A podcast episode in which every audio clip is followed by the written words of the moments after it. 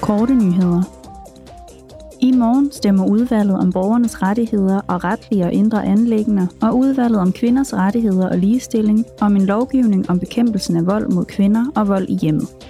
Udvalgsmedlemmerne ønsker en ensartet definition af voldtægt som en strafbar handling baseret på manglende samtykke.